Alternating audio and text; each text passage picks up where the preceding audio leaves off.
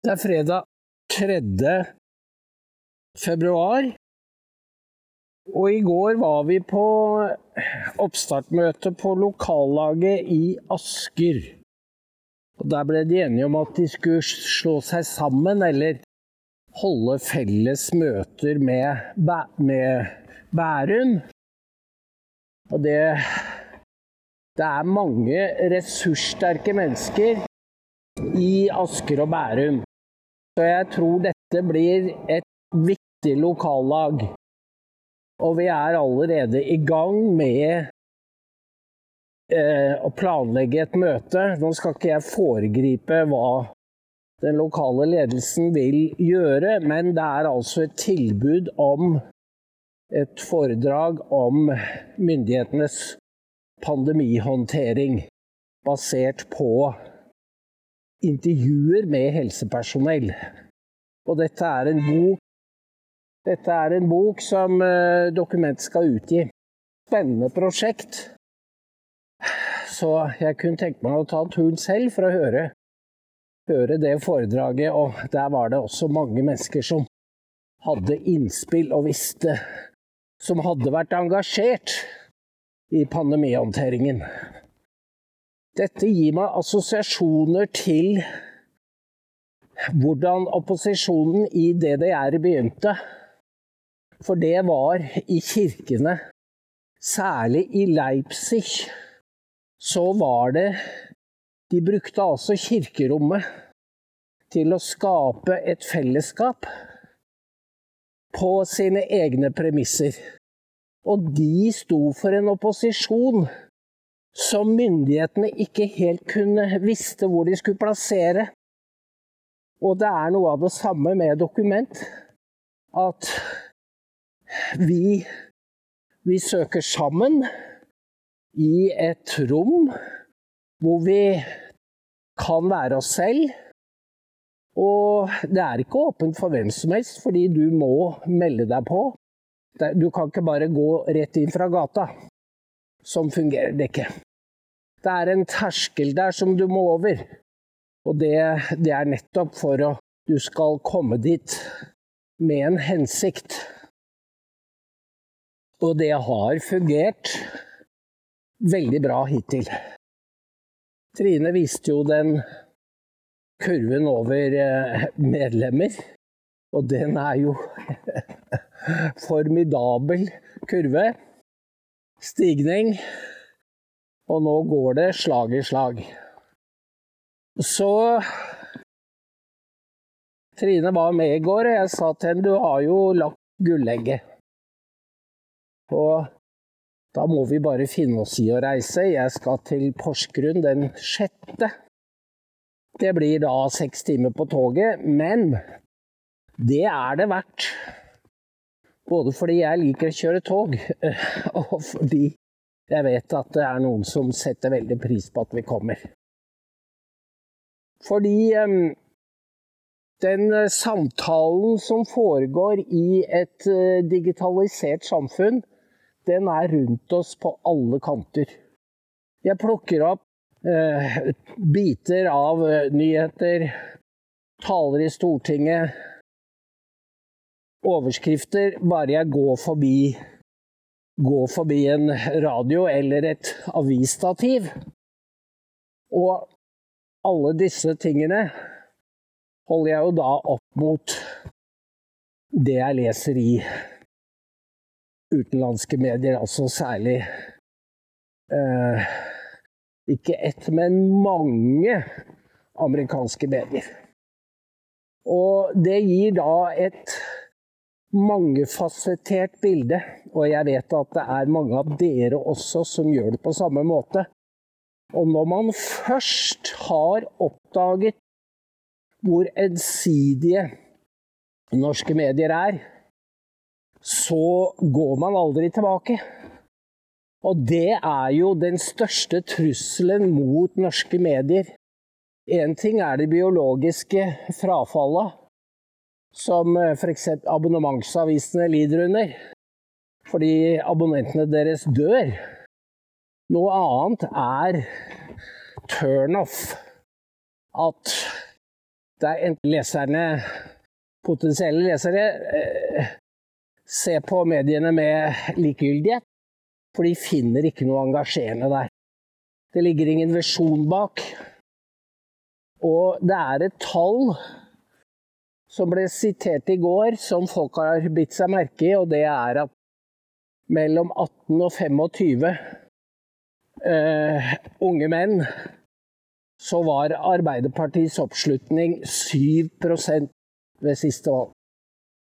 7% For kvinner var det 22 men i snitt blir det jo da 15. Og det er vel der de blir liggende etter hvert. Og da er det helt nye muligheter for veldig mange. For det vil si at velgerne går sin vei. De unge velgerne går sin vei. Og til hva da? Det gjelder jo ikke bare partier, men det gjelder også medier. Men vi må fortelle folk, da, det gjør vi jo daglig, hva det er som virkelig foregår ute i den store verden.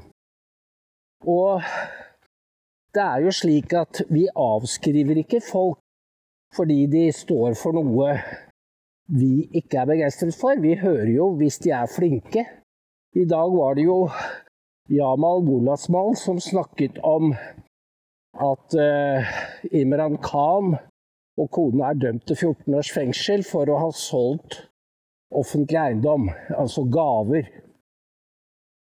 Og så, det som var interessant, og som da studio ikke følger opp, det er at The Intercept har plukket opp at USA var med å velte Khan.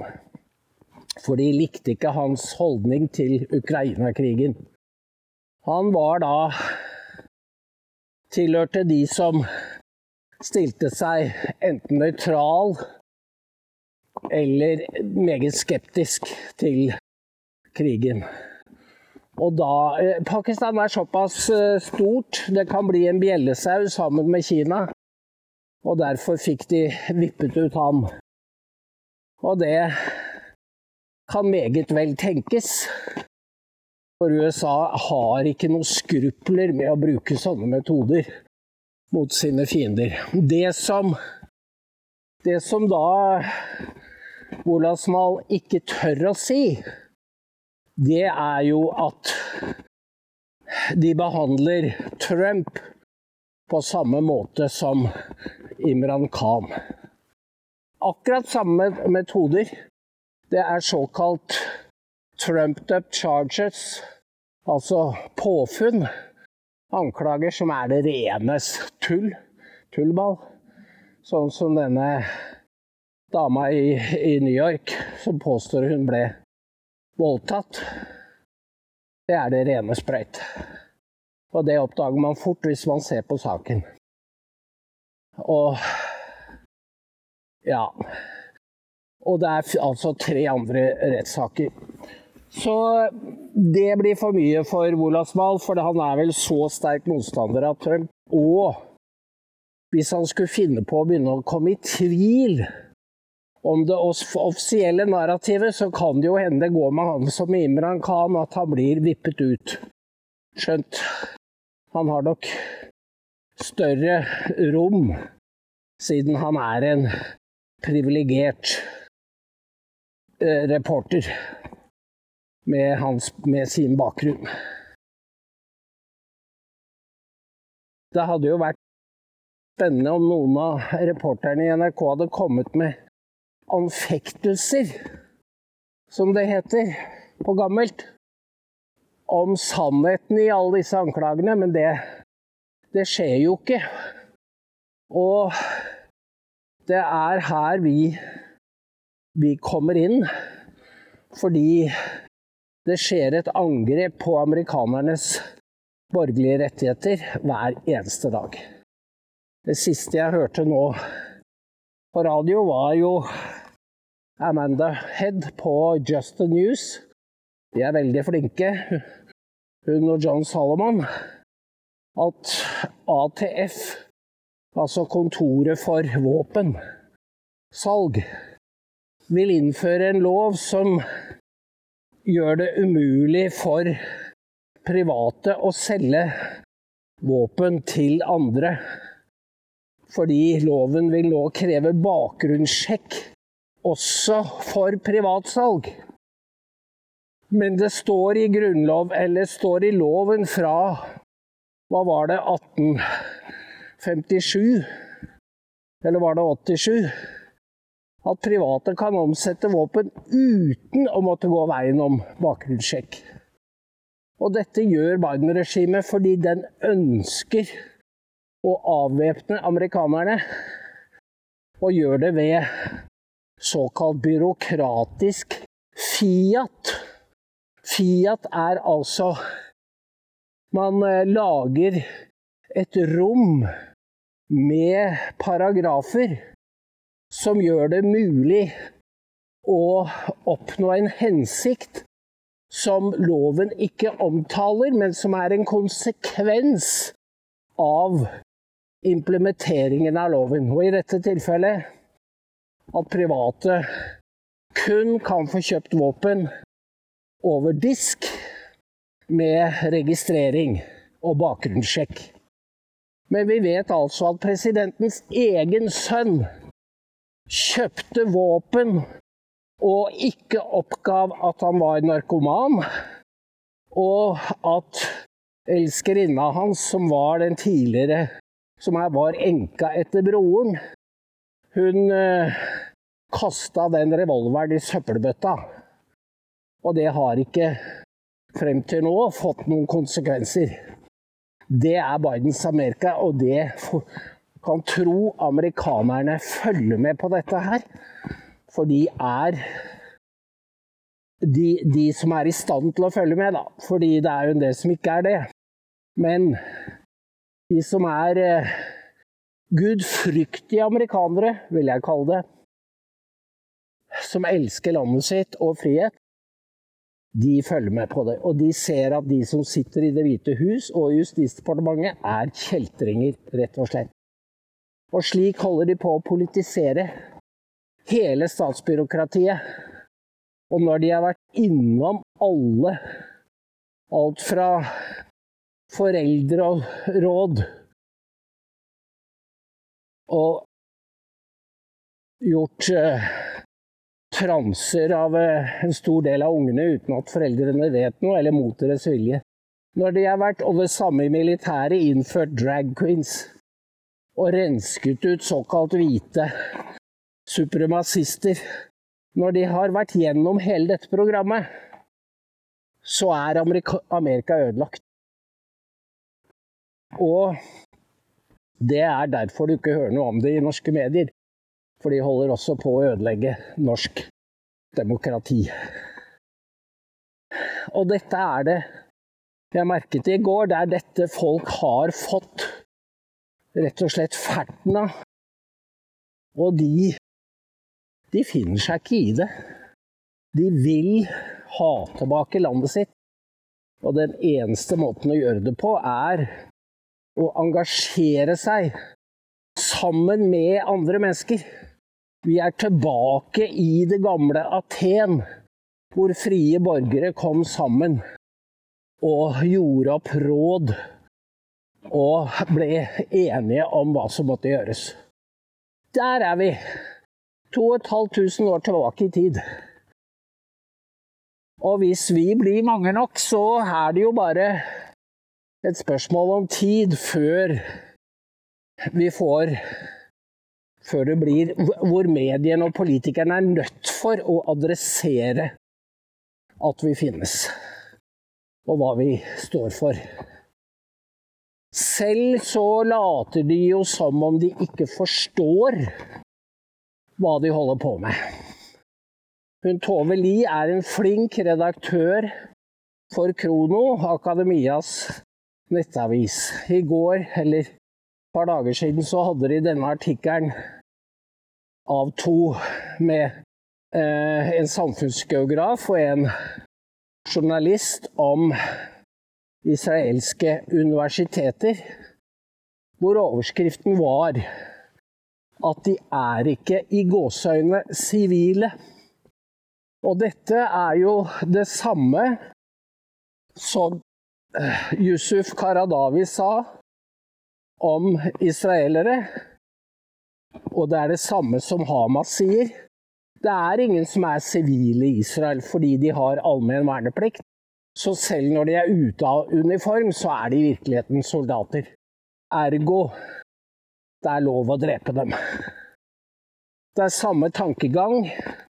Jeg tror kanskje Tove Li ville være litt forlegen. Er, jeg tror hun er sikkert klar over det, hva som ligger under. Men dette kan serveres i norske nettaviser, debatt, debattsider, uten at det blir presisert eller klargjort hva, hva som virkelig står der. Og nå forlanger de eh, boikott av Israel, akademisk boikott. Og det er eh, demonstrasjon i, på fire-fem universiteter i dag. Så man, man eh, bruker 60-tallets metoder. Det er bare det at nå er, nå er bakgrunnen og hensikten mye mørkere hadde vært interessant om å, å, få noen intervjuer med gamle 68-ere. Hva syns dere om Hva syns dere om utviklingen og det dere har vært med på? Hvilken retning tar dette her? Jeg har ikke sett noen som skriver at ikke i mitt navn, eller advarer de unge mot det de holder på med. Fordi vi har jo vært der før. Vi har vært med på det. Og jeg tenker at den, eh, det vi holdt på med, hvor altså RAF og Blekingadebanden De var jo aktivt pro-palestinske og voldelige. Begge to var på palestinsk område og fikk våpenopplæring. Og det går en ubrutt linje fra disse og til Hama, dagens Hamas. Via flykapringer og terroraksjoner. Og du skal være rimelig blind for ikke å se den linja. Så de som har snakket nå om høyreekstreme i årevis, de har selv et rulleblad og en anerekke som gir dem blod på hendene. Men de de er helt bevisstløse. De er som Helmut Kohl, som jo sa at han hadde, han hadde nytt godt av eh, Hva var det han sa? Eh, altså En forsinket Noen kan supplere hva han virkelig sa på tysk, men det var altså at han eh, Det var nåden ved en senere fødsel. Om det var Gnaden des Spetgeburts eller Han var altså så født så sent at han hadde ikke noe forbrytelse på hendene, eller på samvittigheten. Og det kan man kanskje si. Jeg kjenner ikke så godt hans familiebakgrunn, men jeg vet at min generasjon vi, eh, eh, altså radikale, vi har blod på hendene. Fordi dette bare fortsetter. Og det går fra badet Weinhoff og videre. Og det rettferdiggjør og legitimerer drap på jøder. Det er det det gjør. Og det må vi være helt klare på, for her er det ikke noe sånn ja, men. Og det er denne linjen som gjør at jeg sier det er Det er Europa som er kanarifuglen nok, nok en gang. Og vi er i ferd med, vi risikerer, å havne ut i et stort uføre 80 år etter den forrige katastrofen. Det skulle du forsverge var, var mulig. Men nå er de i gang igjen. Det er det jøder sier jo det. Nå er det i gang igjen. Og det er det. Det er i gang igjen. Med Arbeiderpartiet ved roret. Det er eh, fra Håkon Lie til Jonas Gahr Støre. Eller også fra ML og til dagens Hamas svermeri. Der er det ikke spranget så stort. Jeg tenker det holder, jeg. Nå må vi inn til byen. Jeg sier det er VIPS 13629, og vi ses i morgen. Takk for i dag.